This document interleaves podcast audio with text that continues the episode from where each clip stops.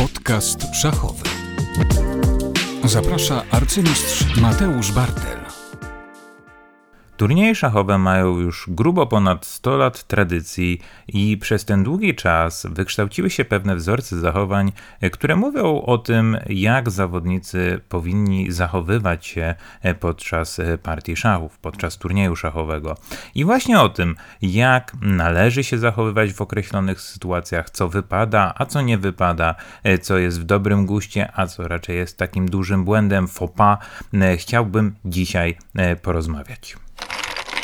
Podcast szachowy.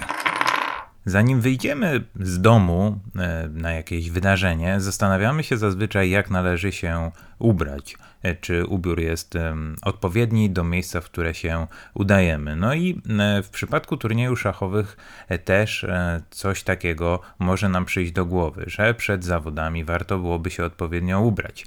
Sportowcy dyscyplin ruchowych raczej nie mają tego problemu, bo w większości dyscyplin jest to dość oczywiste, że siatkarz będzie ubrany inaczej niż piłkarz, piłkarz inaczej niż zapaśnik, a zapaśnik inaczej niż pływak. W przypadku szachów jest oczywiście troszeczkę inaczej, bo tak naprawdę na zawody szachowe można ubrać się, e, tak logicznie rzecz biorąc, w sposób niemal dowolny. Ważne, żeby było komfortowo. Ale e, historia szachów e, pokazywała nam to, że zazwyczaj zawodnicy, zwłaszcza zawodnicy z czołówki światowej, brali pod uwagę e, ubiór, nie przychodzili e, byle jak ubrani. Ba, można powiedzieć, że najlepsi z najlepszych, e, ci legendarni mistrzowie świata zawsze byli ubrani bardzo elegancko, bardzo dbali o to, żeby ten ich wygląd podkreślał prestiż królewskiej gry. I przez y, dziesiątki lat y, tak właśnie było. Oczywiście było to też połączone z tym, y, jak wyglądał świat, bo kiedyś ludzie dużo częściej odziewali garnitury, krawat. To się oczywiście teraz zmieniło. W dzisiejszych czasach coraz częściej widzimy bardzo zamożnych ludzi, którzy zamiast garnituru podkreślają podkreślającego ich dobrobyt odziewają jeansy, często sprane i rozciągnięty t-shirt. E, no i to też rzutuje na zachowania szachistów. E, często widzimy nawet najlepszych graczy globu w prestiżowych turniejach przychodzących w stroju, który no, nie odróżnia ich od przeciętnego widza sportowego wydarzenia na kanapie. E, to jest znak czasów. Natomiast mimo wszystko ja jestem zwolennikiem tego, e, żeby e, w tych najbardziej prestiżowych imprezach zawodnicy byli zobowiązani do przestrzegania e, dress code'u, do tego, żeby to wyglądało trochę bardziej jak w snookerze. Tutaj na Krajowym Podwórku mamy arcymistrza Bartosza Soćkę, czyli takie, taką ikonę mody można powiedzieć, człowieka, który zawsze jest ubrany na turniejach bardzo elegancko i można obserwując jego postawę, osobę, e, prezencję, powiedzieć, że faktycznie jest to reprezentant e, królewskiej gry. Oczywiście przepisy FIDE w większości turniejów dopuszczają to, żeby przychodzić na zawody ubranym tak, jak się komuś żewnie e, podoba. Raczej sędziowie nie, nie mają z tym problemu, choć no niekiedy wygląda to dość komicznie, jak na zawody ktoś przychodzi w koszulce bez rękawów i bardzo krótkich spodenkach Próbowano z tym troszeczkę walczyć zwłaszcza na imprezach rangi mistrzowskiej, czy to w Europie, czy na świecie, z różnym skutkiem. E, gdzieś tam na pewno mamy w głowie historię, w której polski sędzia Tomasz Delega zdyskwalifikował na Pucharze Świata zawodnika z Kanady, który przyszedł na partię w krótkich spodenkach, mimo że regulamin mówił coś innego.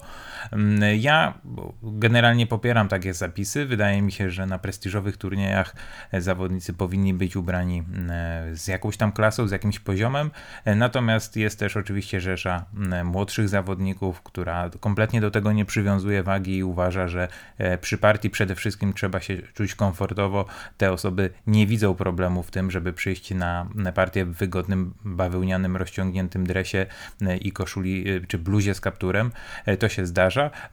No ale właśnie jeśli mowa o ubiorze, no to na turniejach szachowych, w większości turniejów szachowych żadnych obostrzeń nie ma. Można przyjść tak jak się chce. Jak już pojawimy się na tej sali gry, e, zajrzymy na turniej e, i chcemy grać partię, możemy oczywiście też być kibicem i po prostu oglądać, natomiast jeżeli e, chcemy grać partię, siadamy do deski, i pierwsze co robimy przed rozpoczęciem partii jest to element no niemal kultowy, coś co zawsze e, wykonujemy, e, to podajemy rękę swojemu przeciwnikowi przed rozpoczęciem partii. E, można się wydawać, że to jest coś mało istotnego, ale właśnie w historii szachów zapisało się to dość mocno. Niepodanie ręki zawsze było, jest i będzie uważane za duży afront. Było już o tym w jednym z odcinków podcastów, że w meczu Karpowa z Korcznojem Karpow odmówił podania ręki Korcznojowi, co tego drugiego wytrąciło z równowagi. I w dzisiejszych czasach też tak jest, jeżeli jakiś zawodnik w sposób ostentacyjny odmówi podania ręki przed partią czy po partii, e, to powoduje to dość duże zamieszanie, druga osoba czuje się dotknięta. Nawet zupełnie niedawno na Mistrzostwach Europy w, w Serbii doszło do partii zawodnika grającego pod flagą neutralną, ale oczywiście Rosjanina, Michaiła Kobali z ukraińskim zawodnikiem e, Szewczenką, który co prawda grał pod flagą Rumunii, bo już zmienił federację, natomiast nadal jest oczywiście Ukraińcem e, i tenże Szewczenko odmówił podania ręki Kobali z uwagi na to, że Kobalia dość blisko jest z Rosyjską Federacją, która e, z kolei blisko jest z reżimem e, w Rosji. E, no i zrobiło się duże zamieszanie. Komitet apelacyjny odrzucił skargę zawodnika no, rosyjskiego de facto, powołując się na to, że tak naprawdę przepisy FIDE nie zmuszają zawodników do podania ręki, co zdziwiło wiele osób, bo większość osób myślała, że jest to zapis, który obliguje zawodników do podawania podawania ręki. Tutaj faktycznie okazało się, że tak nie jest, ale właśnie jest to jedna z tych utartych mm, e, zasad e, czy mm, e, metod zachowania. Chcemy tak rozpoczynać i kończyć partię, bo jest to po prostu eleganckie, wyraża szacunek wobec drugiej osoby, wobec przeciwnika. No a szacunek w królewskiej grze jest oczywiście czymś bardzo, bardzo istotnym. Kiedy już gramy partię, no to wchodzimy w ten tryb e, skupienia, w tryb, e, w którym bardzo zależy nam na tym, żeby nic nas nie rozkojarzało. Mm, I tutaj oczywiście wchodzi multum różnych rzeczy, e, które powodują, że zawodnicy potrafią się rozkojarzyć. To oczywiście sprawia, że szereg rzeczy jest zakazanych. Zakazane jest przede wszystkim komunikowanie się e, podczas partii, e, generalnie używanie głosu. Na, na sali e, turnieju szachowego ma obowiązywać cisza. I to cisza, która dotyczy tak naprawdę wszystkich, zarówno zawodników, zarówno obserwatorów, jak i sędziów. Tutaj tych ostatnich zwłaszcza często trzeba przywoływać do porządku, bo wydaje się, że sędzia powinien dbać o ciszę, a w praktyce często jest tak, że dwóch sędziów, którym się tam często nudzi, bo partia klasyczna na turnieju trwa długo, gdzieś tam sobie próbuje po cichu szeptem ucinać e, pogawędkę, a jeśli nie daj Boże jeszcze jeden z tych sędziów jest troszkę starszy i już ma problemy ze słuchem, to ta ich rozmowa szeptem potrafi obudzić nawet umarłego.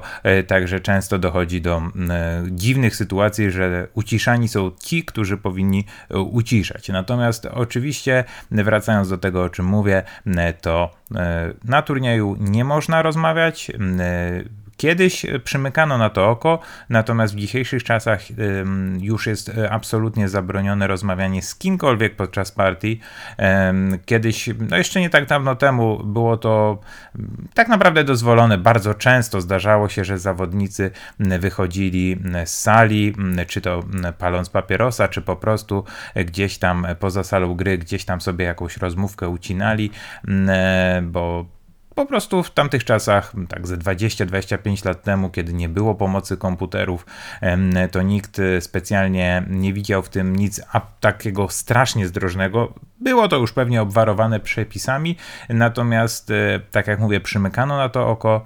E, teraz już e, absolutnie jest to dość restrykcyjnie przestrzegane i bardzo dobrze, bo bardzo ułatwiałoby to wszelkiego rodzaju nieczyste zagrania, więc wszelkiego typu rozmowy są zabronione.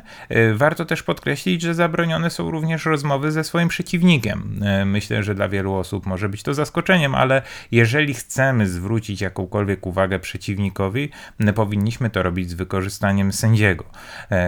To oczywiście sprawia, że musimy się e, porozumieć z sędzią, ale, ale to akurat jest dozwolone e, i to sędzia ma ewentualnie upomnieć naszego przeciwnika, bo jeżeli zwrócimy uwagę na coś naszemu przeciwnikowi, może to być potraktowane jako przeszkadzanie mu w grze i właściwie no jest, jest niewskazany.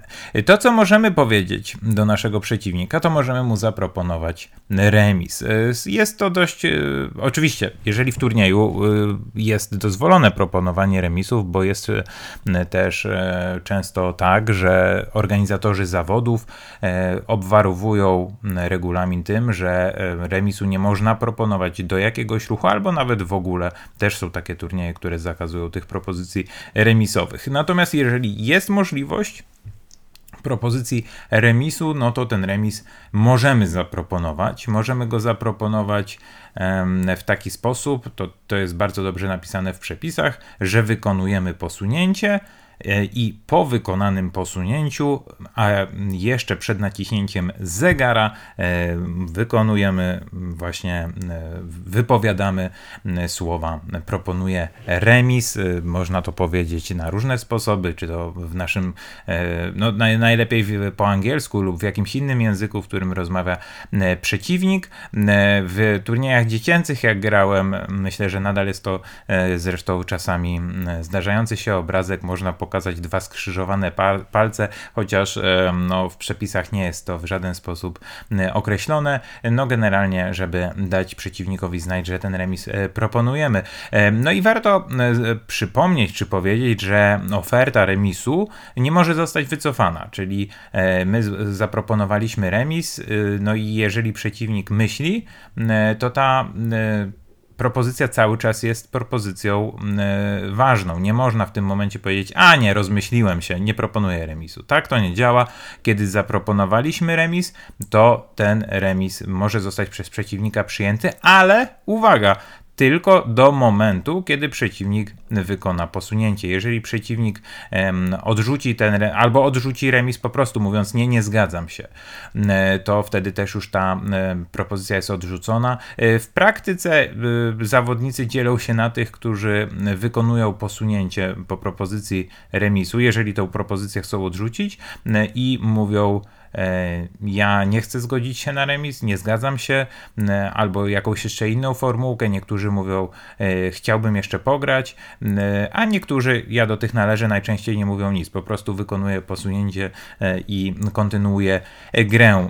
Warto zauważyć, że taka propozycja remisowa nie może być, znaczy nie jest to znowu w żaden sposób obwarowane przepisami, natomiast no jest mocnym nietaktem proponowanie remisu w sposób y, powtarzalny, czyli y, zdarzają się niestety takie przypadki, i myślę, że wiele osób jest tego nieświadomych, dlatego chciałbym to bardzo podkreślić. To jest bardzo nieładne, kiedy ktoś proponuje na przykład remis w 10 ruchu, w 12, 15, 20 i co chwila.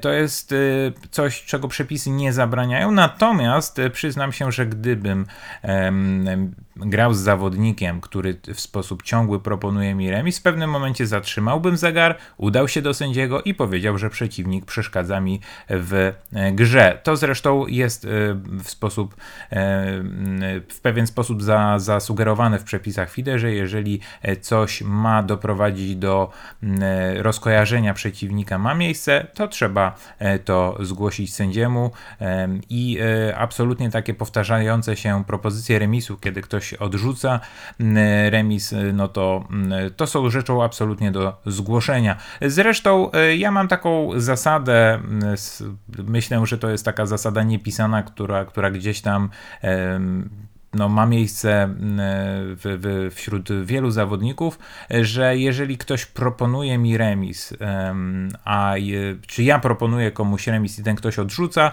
E, to ja drugi raz nie zaproponuję remisu, chyba że przeciwnik mi zaproponuje remis. Jeżeli ja zaproponowałem, e, przeciwnik zaproponował mi remis, ja odrzuciłem za ileś tam ruchów, przeciwnik proponuje e, remis i ja odrzucam, to potem mogę zaproponować. Przynajmniej ja tak zawsze e, działam. Natomiast jeżeli przeciwnik mi nie zaproponował remisu, to ja po raz drugi staram się nie proponować tego remisu. No chyba, że on wyniknie po prostu na szachownicy, jest już oczywisty, no to tak. Ale e, bardzo tutaj chciałbym podkreślić, że to ciągłe proponowanie remisów jest po prostu takim faulem, czymś, co jest bardzo nieeleganckie e, i gorąco bym zachęcał do tego, żeby tego nie robić. Przypadku propozycji remisowych, jeśli mówimy o partiach e, klasycznych liczonych do rankingu ELO, warto też zwrócić uwagę na to, że od pewnego czasu FIDE wymaga zaznaczania propozycji remisowej na blankiecie. Coś może być niespodzianką dla wielu osób, bo te zmiany czasami E, no, są słabo komunikowane i wiele osób o tym nie wie. Natomiast e, teraz taka jest wytyczna, że na blankiecie obok ruchu, w którym proponujemy remis, zaznaczamy e, ten fakt dwoma poziomymi kreskami, znakiem równości, innymi słowy. No i to już od pewnego czasu jest punkt właśnie handbooka FIDE, czyli tych przepisów. Ja nie mam z tym problemu, bo zawsze zaznaczałem propozycję remisową na blankiecie, natomiast teraz jest to wymagane przepisami, no i warto o tym pamiętać, choć wydaje mi się, że nikt nigdy za coś takiego ukarany nie został, że tego faktu propozycji remisowej nie zaznaczył. Szereg rzeczy, które potrafią wytrącić z równowagi czy denerwować, wiąże się z tym, jak zawodnicy mm, przestawiają swoje posunięcia, bo mm, w świecie internetu nigdy tego nie zaobserwujemy. Czyli jeżeli ktoś e, rozgrywa tylko partię online, to on e, nawet może nie zdawać sobie sprawę, e, jak mocnym czynnikiem może być mimika, gestykulacja i to wszystko razem wzięte przeciwnika czy przeciwników. Każdy z nas wykonuje ruchy w pewien określony określony e, sposób. Niektórzy e, przesuwają figury po szachownicy, inni przenoszą je z pola na pole. Niektórzy stawiają je w taki sposób, że jakby je wkręcali w szachownicę. Inni robią to zupełnie inaczej. Są tacy, którzy figury stawiają wyjątkowo dokładnie na środku pola, a są tacy, którzy te figury stawiają bardzo niechlujnie, tak jakby nawet nie wiadomo, gdzie ta figura wylądowała. Są osoby, które robią te posunięcia bardzo elegancko, z gracją, a są tacy, którzy niemal pukają figurami i walą w zegar. I tutaj przepisami nie jest to wszystko jakoś specjalnie obwarowane, natomiast e, znowu poruszamy e, tę sferę savoir vivre, e, no i zdecydowanie takie mile widziane rzeczy, nawyki, to jednak stawianie figur w, na środku pola, tak kulturalnie, nie, nie zupełnie byle jak. No i do tego wykonywanie posunięć w sposób taki, który no, nie przeszkadza przeciwnikowi, bo walenie w zegar jest czymś, co jest jednak rozpraszające, a zdarzają się zawodnicy, którym się to e, e, po, powtarza, którzy robią to dość e, regularnie. E, warto też zwrócić uwagę na to, że często zawodnicy zapominają o dość e, ważnej rzeczy, że ruchy wykonujemy tylko jedną ręką. Jest to akurat zasada szachów i, i, dość istotna zasada szachów, że jedną ręką wykonujemy nie tylko posunięcie, ale również, tylko roszadę można, nie, roszadę też tylko jedną ręką się robi, e, bo dwoma rękami jest zabronione, też warto to e, podkreślić, bo kiedyś Hikaru Nakamura robił roszadę chyba w Pucharze Świata dwoma rękami i był za to ukarany, więc jedną ręką robimy roszadę, najpierw przestawiamy króla, potem przestawiamy wieżę, nie na odwrót, Natomiast y, po wykonaniu tej roszady, na przykład jedną ręką, tą samą ręką, to jest bardzo ważne, naciskamy zegar. E, co więcej, to jest bardzo ciekawe, że jedną ręką powinniśmy nawet zgodnie z przepisami dokonywać promocji. Nie, nie, nie możemy pionka zamienić w hetmana dwoma rękami. Takie są teraz wytyczne. Wyobraźcie sobie, że w sytuacji, w której macie na przykład dwie sekundy na zegarze, musicie zbić z pionkiem z siódmej linii coś, co stoi na ósmej linii i jeszcze jednocześnie za chwilkę postawić tam nową, dorobioną figurę i jeszcze tą samą ręką wszystko robiąc nacisnąć zegar. To już jest moim zdaniem troszkę dziwny zapis, natomiast ten zapis no, no istnieje, także jest to już właściwie zasada, a niekoniecznie wymagane zachowanie, natomiast warto o tym przypomnieć, bo to coś, co e, może kosztować nawet punkt, bo, bo jest to traktowane jako nieprawidłowe posunięcie, jeżeli wykonamy ruch dwoma rękami. E, kolejną rzeczą, którą myślę warto tutaj przybliżyć, to jest to, w jaki sposób można powiedzieć siedzimy, czy spędzamy czas przy tej partii szachów. Mowa tu przede wszystkim o mm, gestykulacji, o tym, jak się zachowujemy, mm, wręcz o tym, jak się trzęsiemy, bo jest szereg zawodników, e, którzy uwielbiają podczas partii szachów e, w tym ferworze walki mm, tak się troszkę trząść, jak myślą. E, czy to mają jakieś tiki nerwowe, czy to noga im cały czas chodzi. Wielokrotnie na turniejach szachowych zdarzało mi się, że jeden z zawodników, niekoniecznie mój przeciwnik, często sąsiad, jeden, dwa, trzy stoliki dalej, e, po prostu tak silnie trząsł e, nogą e, podczas skupienia, że no, trząsł się cały rząd stolików, co, co przeszkadzało bardzo wielu osobom. Były też inne śmieszne sytuacje, kiedy jeden z zawodników tak intensywnie myślał, że cały czas przesuwał stolik i były to rozgrywki drużynowe, w których grałem. Rywalizował ten zawodnik z Radkiem Wojtaszem i w pewnym momencie ja tak stanąłem obok i patrzę, że partia Radka jest przesunięta o jakieś e, dobre półtora metra, bo tak napierał na stolik jego, e, jego rywal. Ja też miałem śmieszną sytuację, która to tak naprawdę kosztowała mnie punkt, bo nie wykazałem się odpowiednią asertywnością.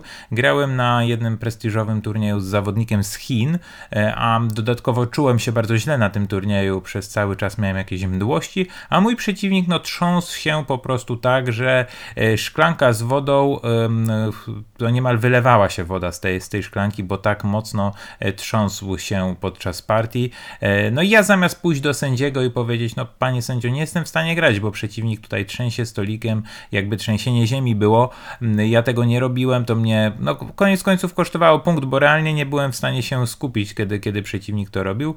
E, no i tu uczulam, myślę, podzielę się swoimi doświadczeniami, jak tylko takie rzeczy się dzieją, które myślę przeciwnik może ograniczyć, może często sobie nawet nie zdaje sprawy. Jeżeli nam to przeszkadza, idziemy do sędziego, mówimy sędziemu, co jest nie tak i niech ten sędzia reaguje. Oczywiście Sędziowie są różni, sędziowie mogą powiedzieć często, że e, no ale co ja mogę zrobić? Natomiast y, dla takiego dobrego samopoczucia, jeżeli przeszkadza nam za zachowanie zawodnika, jeżeli ono przekracza jakieś dobre maniery, jeżeli ono e, wpływa na nasz dyskomfort, jeżeli ten zawodnik przeszkadza nam, to mamy absolutnie moralne prawo pójść do sędziego i powiedzieć: Panie sędzio, tutaj przeciwnik czy przeciwniczka zachowują się tak, a nie inaczej.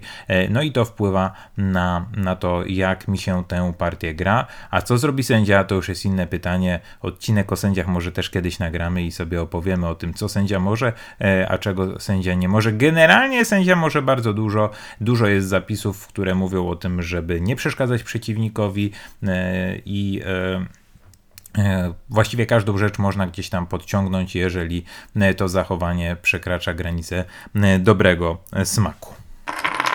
Skoro mowa o smaku, no to warto wspomnieć, że już od pewnego czasu e, zabronione jest e, jedzenie przy partii szachów. E, może się wydawać to nieco zaskakujące dla wielu osób, ale no, podczas partii szachów oczywiście jedzenie musi być dozwolone, bo zbyt długo trwają te partie, żeby zawodnicy mieli zakaz konsumpcji. Po prostu byłoby to zbyt no, nieprzyjemne e, grać 5-6 godzinną partię bez możliwości e, jedzenia. Natomiast e, myślę, że ten ruch, na który FIDE zdecydowała się już parę lat temu, czyli zabronienie jedzenia przy szachownicy, jest ruchem prawidłowym, bo zdarzały się bardzo różne sytuacje, kiedy ktoś wyjmował jakiś posiłek, jadł go w sposób no nie zawsze wyjątkowo kulturalny, elegancki. Raz, że to często rozsiewało zapachy, dwa, że różne dźwięki. Zdarzali się tacy agenci, którzy mieli zawinięte na przykład jedzenie w jakąś folię aluminiową, jak ją otwierali, no to szmerów i różnych innych rzeczy było co niemiara, a jak jeszcze to było na przykład jakiś hamburger wydzielający wspaniałe zapasy, zapachy sosów, no to właściwie wszyscy zawodnicy dookoła byli rozczarowani. Ja sam miałem kiedyś taki przypadek, kiedy na turnieju w Szwajcarii jeden z hinduskich zawodników, z którym ja nawet nie grałem, przy stoliku obok wcinał czekoladę zapachową o jakimś bardzo intensywnym zapachu i choć ja z nim nie grałem, ja nie, realnie nie mogłem grać, bo ten zapach po prostu nie dawał mi spokoju. Także ja jestem absolutnym zwolennikiem tej zasady i cieszę się, że do tego doszło. Jeść oczywiście można, natomiast trzeba wstać, najlepiej opuścić czy salę, tą główną salę gry w jakimś korytarzu e, zjeść. Natomiast przy samej szachownicy jest to zabronione. E, inaczej jest z piciem. Pić przy szachownicy e, można i to w żaden sposób nie jest ograniczone, także pić można, a jeść na, zgodnie z tymi przepisami, które są teraz, tego robić już nie wolno. Jeśli chodzi o reklamację, to wydaje mi się, że taką dobrą praktyką jest zatrzymanie zegara i udanie się do sędziego. Raczej nie zatrzymujemy zegara i nie mówimy nic do przeciwnika, bo to nie ma e, większego sensu, chyba że jest to mm, no, trzykrotna reklamacja mm, trzykrotnego pojawienia się tej samej pozycji. Mm, wówczas e, możemy to przeciwnikowi powiedzieć, jak on się zgadza, no to wtedy powiedzmy ta reklamacja jest e, łatwiejsza. Natomiast jeżeli chcemy zwrócić na cokolwiek uwagę w zachowaniu naszego przeciwnika, to moim zdaniem zatrzymanie zegara i udanie się do sędziego jest dość dobrą praktyką. Mm, e, można też, jak się nie jest pewnym, e, jeżeli oczywiście mamy czas na zegarze, zrobić ruch mm, i kiedy przeciwnik zastanawia się nad odpowiedzią, po prostu podejść do sędziego, mm, no i zadać mu zwyczajnie pytanie, co powinniśmy zrobić w takiej sytuacji. Mi się parę razy zdarzyło podchodzić do sędziego, kiedy przeciwnik się zastanawiał e, i pytałem o różne e, rzeczy, co powinienem zrobić. Miałem taką historię z e, pewnym zawodnikiem, który spożywał alkohol podczas partii, zresztą był w stanie nietrzeźwości i pytałem sędziego, co mam zrobić, bo no, nie chcę e, wygrać partii walkowerem, ale z drugiej strony mm, e, no, wydaje mi się, że przeciwnik jednak tutaj przesadza, że nie powinien w takim stanie pojawić się na sali turniejowej. Jako, że były to dość prestiżowe zawody, a ten stan trwał dłuższy mm, moment, no to a, a sędzia chciał uniknąć jakiegoś wielkiego skandalu, że wyrzucił z zawodów no, bardzo silnego zawodnika, nomen omen, no to ostatecznie kontynuowałem partię Natomiast wydaje mi się, że to jest taka generalnie dobra praktyka, że jeżeli coś w zachowaniu przeciwnika nam przeszkadza, no to e, najlepiej zapytać sędziego, nawet bez robienia tak zwanej reklamacji, czyli podejść do niego, porozmawiać z nim i, i, i wyjaśnić sobie pewne, e, pewne rzeczy. Jeżeli sędzia powie, że w przypadku powtarzającego się złego zachowania przeciwnika mamy prawo zrobić reklamację, no to zatrzymujemy zegar, idziemy idziemy do sędziego i, i mówimy co i jak. E, chociaż no, ja takie rzeczy staram się właśnie załatwiać bez reklamacji, bo mm, e, no, reklamacja to jest zawsze jakieś tam mm, zamieszanie, przeciwnik też nie wie, co się dzieje i myślę, że to jest lepiej zrobić po cichu, aczkolwiek podejrzewam, że w takich sytuacjach każdy sędzia szachowy ma jakieś swoje metody postępowania. Na pewno są tacy, którzy nie zrobią nic, e, ale na pewno też są tacy, którzy gdzieś tam podejdą, zwrócą uwagę, wyjaśnią pewne rzeczy. E, generalnie wydaje mi się, że jeżeli czujemy jakiś dyskomfort, no to właśnie trzeba takie rzeczy załatwiać przez sędziego, no i, i z nadzieją na to, że, że on nam e, pomoże i tę sytuację wyjaśni. Inną em, rzeczą, na którą warto zwrócić uwagę, jest to, że podczas partii szachów dozwolone jest palenie. E, palenie papierosów, oczywiście. E, Ja jestem ogromnie przeciwny. Ja przyznam się szczerze, że od razu zabroniłbym e, tego typu, mm, nie wiem, aktywności e, z bardzo prostej przyczyny. E, Po pierwsze, jest to dodatkowe wyzwanie dla organizatorów turniejów, żeby zorganizować palarnię. E, Często ta palarnia, no palarnia właściwie zawsze musi mieścić się na zewnątrz. E, To oznacza, że musi być jakieś specjalne wyjście, e, które jest e, w odpowiedni sposób chronione, żeby tam postronne osoby, jacyś kibice nie wchodzili. Trzeba monitorować tę palarnię, czy tam przypadkiem właśnie ktoś z telefonem się nagle nie znajdzie. Jest szereg te technicznych trudności. No a do tego, ja- jak wiadomo, na papierosku ludzie lubią ze sobą rozmawiać, więc bardzo często jest tak, że się idzie do tej palarni, a tu nagle ktoś rozmawia, czyli łamie e, zapisy, które nie pozwalają zawodnikom na e, komunikację. E, Natomiast, no tak jak mówię, na ten moment jest to dozwolone. Zawodnicy, nawet z czołówki światowej, ulegają temu nikotynowemu nałogowi i jest to, jest to dopuszczalne. Jeżeli ja mógłbym tego zabronić, no to bym zabronił. Bo to jest tak naprawdę opuszczanie sali gry m, do jakiejś przestrzeni wyznaczonej i mi się to osobiście m, nie podoba. E, Wydaje mi się, że wyczynowi sportowcy powinni być w stanie przetrwać te parę godzin bez dymka. E, Inną rzeczą, która wiąże się z opuszczaniem sali gry, jest wychodzenie do e, toalet. E, Osoby, które śledzą e, szachowe zmagania, doskonale słyszały na pewno o różnych przypadkach, w których e, zawodnicy i zawodniczki no, wykorzystywali toalety dla tego, żeby mm, jakieś niecne intrygi z użyciem komputera knuć. Natomiast oczywiście no, wychodzenia do toalety nie można w żaden sposób zakazać, bo partie są zbyt długie, więc to było, jest i będzie. W przypadku szachów szybkich, błyskawicznych przyznam się, że można byłoby to zrobić, natomiast w przypadku szachów klasycznych y, tego mm, wychodzenia do toalety y, zabronić nie można. Y, Można natomiast y, obserwować oczywiście, czy ktoś za często nie wychodzi do tej toalety. Mm, Z tym, że no tutaj dochodzi do paradoksalnych sytuacji, że y, czasami, mm, zwłaszcza na turniejach niższej rangi, y, zawodnicy popadają w paranoję. Wydaje im się, że ich zawodnik ciągle wychodzi do toalety mm, i y, często idą do sędziego. Ci sędziowie wtedy nie do końca wiedzą, co robić, no bo, bo nie mogą monitorować ty, aż tylu zawodników, także to jest e, osobne zagadnienie. E, Natomiast oczywiście na ten moment można wychodzić do toalety i, e, no i na pewno tak przez dłuższy czas powinno być, bo, bo tak długo jak partie szachowe trwają po kilka godzin, to oczywiście jest to po prostu konieczne. W pewnym momencie partia szachów się kończy.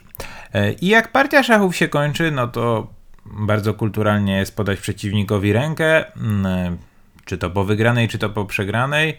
E, Tak naprawdę no, zdarzają się jakieś dziwne sytuacje, kiedy ktoś ręki nie podaje, ale jest to raczej rzadkość.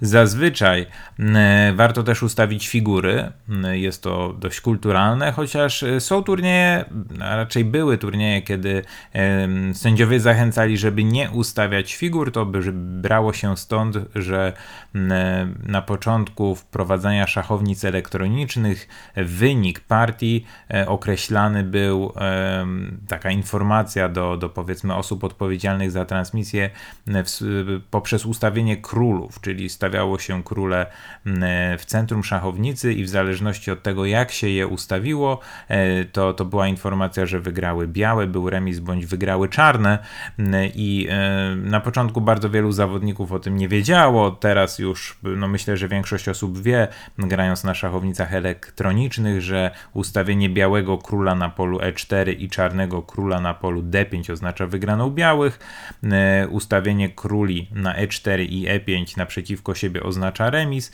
a jeżeli król białych stoi na D4, a król czarnych na E5, to oznacza to wygraną e, czarnych. Natomiast e, no, w większości turniejów teraz już zawodnicy robią to au- automatycznie, no i elegancko jest potem ustawić te figury, aczkolwiek czasami zdarza się, że we wzburzeniu zawodnik wychodzi z sali gry z rozwichrzonymi włosami i nie ustawia szachów, bo się zdenerwował. No czasami się tak zdarza, zwłaszcza tym zawodnikom, którzy troszkę bardziej bujają w obłokach. Natomiast co jest bardzo ciekawą rzeczą i taką rzeczą myślę bardzo wiążącą się z szachami jest to, że bardzo rzadko i to właściwie bez względu na poziom, po wygranej okazujemy, czy po przegranej, ale zwłaszcza po wygranej okazujemy emocje. Najczęściej, nawet jeżeli się bardzo cieszymy, to staramy się tych emocji jakoś tam nie okazywać. Raczej nie unosimy rąk w górę, no nie daj Boże, już nie wydajemy żadnych okrzyków, ale rzadko kiedy jakieś takie gesty triumfu się pojawiają. One troszeczkę miały miejsce podczas podczas rozgrywek online, kiedy zawodnicy na kamerach sobie różne gesty zwycięstwa robili, no ale w przypadku tych pojedynków online tego naszego przeciwnika nie ma tuż obok, nie pokazujemy mu tych reakcji, tych naszych okrzyków zwycięstwa i innych, e, więc ma to troszkę inne inne są realia i nie denerwujemy w ten sposób przeciwnika. E, oczywiście nie byłoby to jakimś, e, myślę, gigantycznym faulem, gdyby ktoś po partii szachów uniósł ręce w górę w geście zwycięstwa, natomiast to jest właśnie taki element też tej szachowej kultury, która wykształciła się przez dziesiątki, już nawet ponad 100 lat, że po prostu tego nie robimy. I to tak troszkę nawet dziwnie wygląda, jak ktoś gdzieś tam się bardzo cieszy. Nie ma w tym pewnie nic złego, jeżeli to jest stonowane, ale jeżeli ktoś by nagle, nie wiem, wskoczył na krzesło i machał rękami wzorem, nie wiem, zdobywcy bramki w meczu piłkarskim, to byłoby to raczej odebrane do dość negatywnie. E, co ciekawe, dużo więcej emocji okazują zawodnicy, którzy przegrywają. E, I tak było, jest i będzie, czy to kręcą głową, to kręcenie głową zresztą się zdarza bardzo e, często, czy czasami gdzieś tam sobie mocno wzdychają, patrzą w niebo, machają rękami. Ostatnio grając na Ekstralidze, podobno jeden z moich przeciwników, bo mówił mi to kolega z drużyny, zaczął gdzieś tam pionkiem się w głowę pukać, bo nie mógł uwierzyć w jakie tarapaty się wpędził, jakie błędy popełnił. E, z kolei inny mój przeciwnik, też na tej samej ekstralidze, kiedy nie było mnie przy szachownicy, gdzieś tam rozkładał ręce w takim geście bezradności. Też nie mógł uwierzyć, że wbił się w tak słabą pozycję.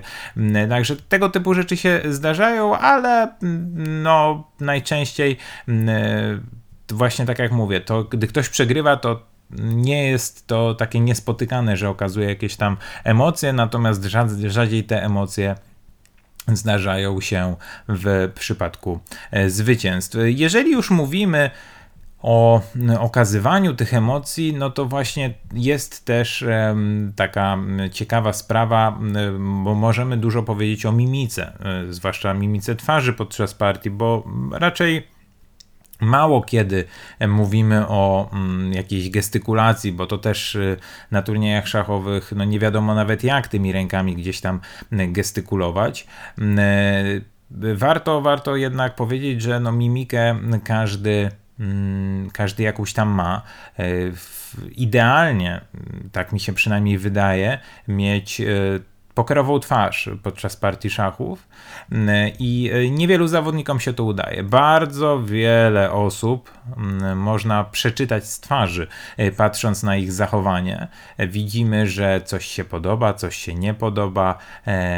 Inaczej się zawodnik zachowuje, kiedy ma dobrą pozycję, inaczej, kiedy ma złą pozycję.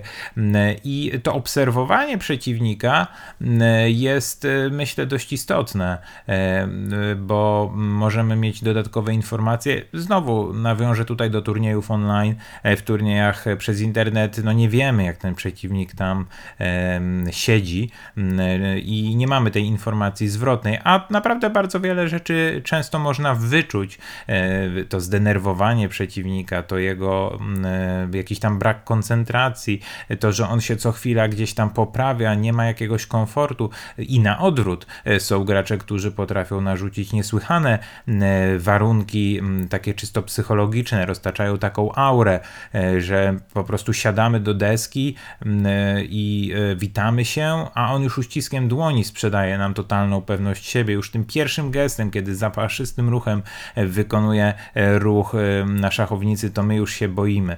Więc to są takie dodatkowe smaczki. Ten język ciała jest bardzo istotny i też trzeba się tego uczyć, bo widywałem zawodników, którzy no, swoją posturą raczej budzili litość niż, niż respekt i na odwrót widywałem zawodników, których no, na dzień dobry człowiek by się przestraszył. Także to są bardzo istotne elementy, które gdzieś tam się pojawiają.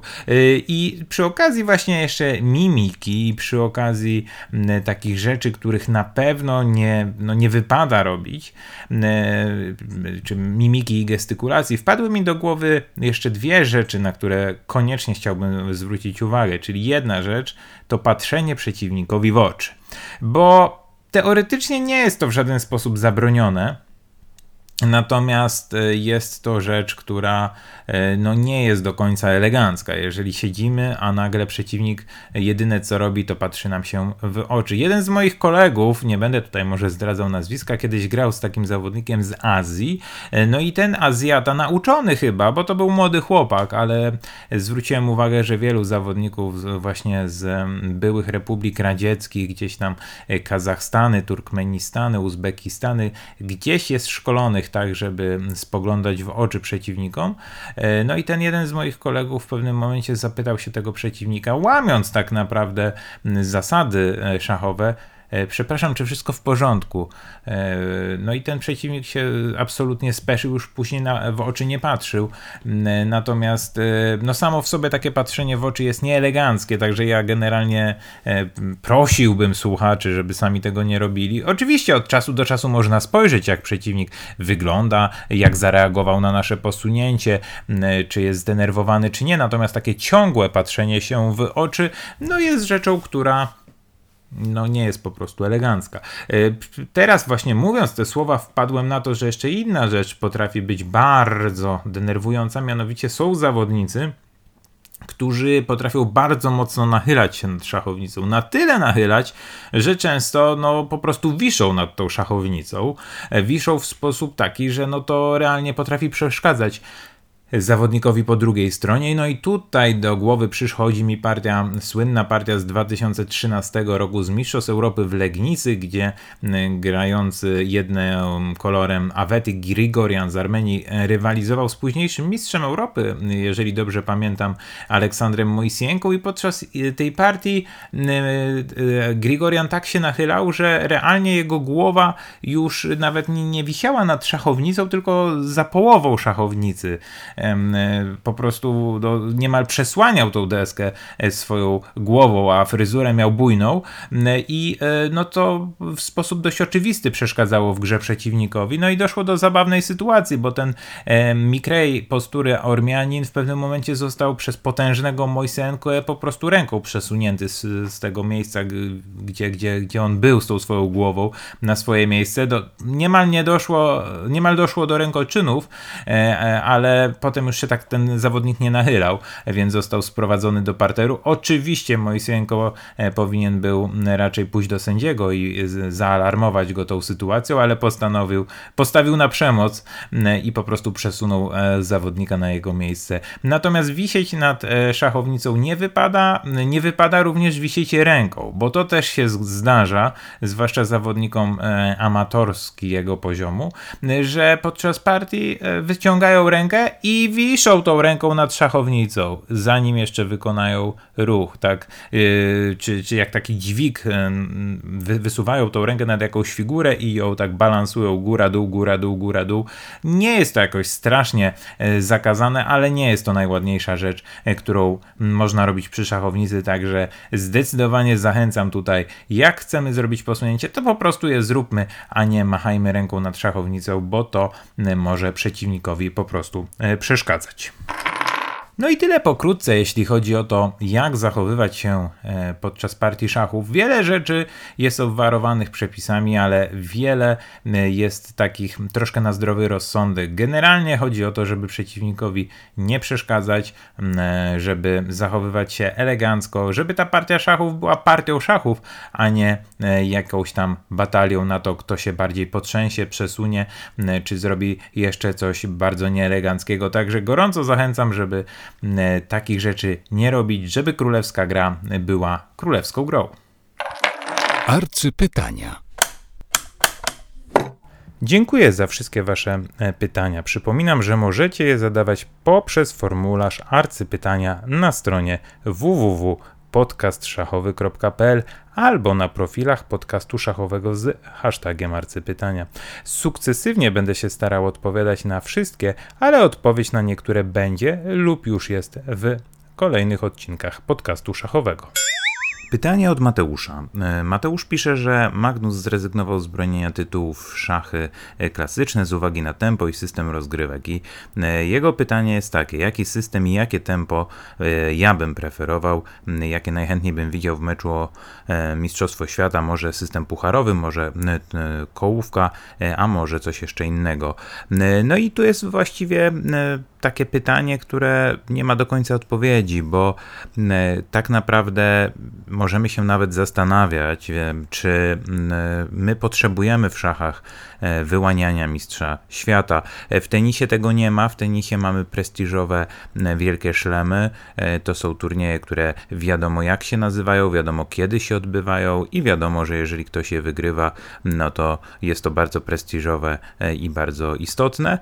Natomiast no, tradycja szachowa jest inna. My mamy tą bogatą historię, która, która wiąże się bardzo silnie z meczami o Mistrzostwo Świata, z tym, że w świecie szachowym jest ten król, który e, tego miana najlepszego zawodnika na świecie broni. E, no i to sprawia, że e, no, Światowa Federacja bardzo kurczowo trzyma się tego tytułu i również dość kurczowo trzyma się tego formatu, w którym jest jakiś tam cykl, który wyłania pretendenta, no i pretendent gra mecz z mistrzem świata. Jak powinien wyglądać już powiedzmy sobie sam sposób wyłaniania mistrza świata, no to jest naprawdę zagadkowa sprawa, bo no oczywiście im bardziej rozbudowany cykl, tym bardziej prestiżowe jest e, zdobycie tytułu mistrza świata, jeżeli trzeba pokonywać kolejne etapy. E, w przeciwieństwie do tego możemy zestawić rozgrywki pucharowe, które przez moment y, były y, traktowane jako Mistrzostwa Świata, ale wówczas, jeżeli na przykład takie rozgrywki wygrał Rustam Kasimdżanow, to mało kto wspomina go jako Mistrza Świata, e, mówiąc, że to jest puchar, więc było to trochę przypadkowe. E, I właśnie dlatego zrezygnowano e, z wyłaniania Mistrza Świata systemem pucharowym, bo to nie do końca potem oferuje nam miarodajne wyniki. No, ktoś wygrał w tym turnieju, był najlepszy w tym turnieju, ale Zresztą na przestrzeni lat Kasim potwierdził, że był wybitnym zawodnikiem, ale na pewno nie szachistą aspirującym do miana e, tytułu Mistrza Świata. Także wydaje mi się, że e, nie jest łatwo zamienić system rozgrywek na coś e, innego. Ten układ, w którym się wyłania kolejnych zawodników na kolejnych etapach jest sensowny. Oczywiście, jeżeli już chcemy wyłaniać tego Mistrza Świata. Pytanie tylko właściwie, co robić na końcu. E, bo był taki moment, że rozgrywano zamiast meczu o Mistrzostwo Świata też turniej kołowy ośmiu najlepszych zawodników. Akurat wtedy grała jeszcze zawodniczka Judith Polgar, więc e, ośmioro e, zawodniczek i zawodników. No i to też miało swoje plusy i minusy, aczkolwiek, no tak jak mówię, tutaj bardzo silny element jest historyczny. Tradycy, tradycja ma ogromne znaczenie i dlatego no, świat szachowy lubi te mecze. Można powiedzieć, że ja się poniekąd zgadza, zgadzam z tym, co gdzieś tam między wierszami sugerował Magnus, bo e, takie wiadomości mnie doszły, że on e, wolałby rozgrywać mecz o Mistrzostwo Świata nie jako ciąg 14 partii, tylko na przykład byłyby to trzy mecze, albo me, mecz składałby się z trzech setów, na przykład set czteropartiowy i takie, czy pięciopartiowy, sześciopartiowy, to już w zależności od tego, ile to by wymagało, i osobno by się wygrywało te sety. Jeżeli ktoś by wygrał 2-0 w setach, no to koniec meczu, a jeżeli 1-1, to trzeci set jest dodatkowy. To bardzo ciekawy pomysł byłby, bo można by było ten mecz rozgrywać również w wielu różnych miejscach, przenosić się po jednym secie i mogło to by być ciekawsze. Wiadomo, że można też żonglować tempami gry, bo w dzisiejszych czasach kibice wolą oglądać krótsze rozgrywki. Pytanie jednak, no, czy, czy o to chodzi w momencie, kiedy wyłaniamy mistrza świata w szachach klasycznych. Zagadnienie jest skomplikowane, zagadnienie nie ma jednoznacznej odpowiedzi. Wiadomo, że rezygnacja Magnusa wynikała z szeregu różnych czynników. Przede wszystkim z tego, że do takiego meczu klasycznego, wielopartiowego trzeba się bardzo długo przygotowywać. Magnus po wielu latach wygrywania stwierdził, że jemu już wystarczy, że nie chce poświęcać życia na kolejne przygotowania. No ale na pewno chętnych do zdobycia tytułu Mistrza Świata nie brakuje i myślę, że w takiej formie jak jest nadal on będzie się cieszył bardzo dużą renomą. Maciej pyta, czy Ding to taki mistrz świata na papierze jak Karpow. Możemy zatem kontynuować e, odpowiedź na poprzednie pytanie, gdzie była mowa o Magnusie, a tutaj pojawia się zagadnienie Dinga, który skorzystał na tym, że Magnus nie chciał bronić tytułu. E, I oczywiście sytuacja w przypadku Dinga i Karpowa jest zupełnie inna, bo Ding e, wygrał mecz, natomiast Karpow mistrzem świata został bez rozgrywania meczu. Natomiast oczywiście oczywiście wiadomo, Ding e, jest zawodnikiem wybitnym, bardzo silnym, e, ale na szachowym świecie jest Magnus, Magnus, który po prostu zrezygnował z obrony tytułu, także e, no, będziemy mieli ten rozdźwięk przez wiele lat, czyli Magnus będzie najlepszym graczem na świecie, natomiast mistrzem świata będzie ktoś inny. Chyba, że Magnus zmieni zdanie, ale sądzę, że to nie nastąpi. Natomiast reasumując odpowiedź na pytanie, no to na pewno nie można porównywać i nazywać Dinga mistrzem świata na papierze. Jest mistrzem świata, wygrał e, turniej o nazwie Mistrzostwa Świata, dokładniej mecz, e, także e, to ten tytuł, ten zaszczyt na pewno mu się absolutnie należy, a to, że Magnus nie chciał wystartować, to już jest jego prywatna sprawa. Podcast szachowy. W partii słuchacze kontra ja został wykonany kolejny ruch. Białe zdecydowały się na ruch 4 C2 na C3, a ja odpowiadam ruchem skoczek z B8 na C6. Podcast szachowy. Zaprasza arcymistrz Mateusz Bartel.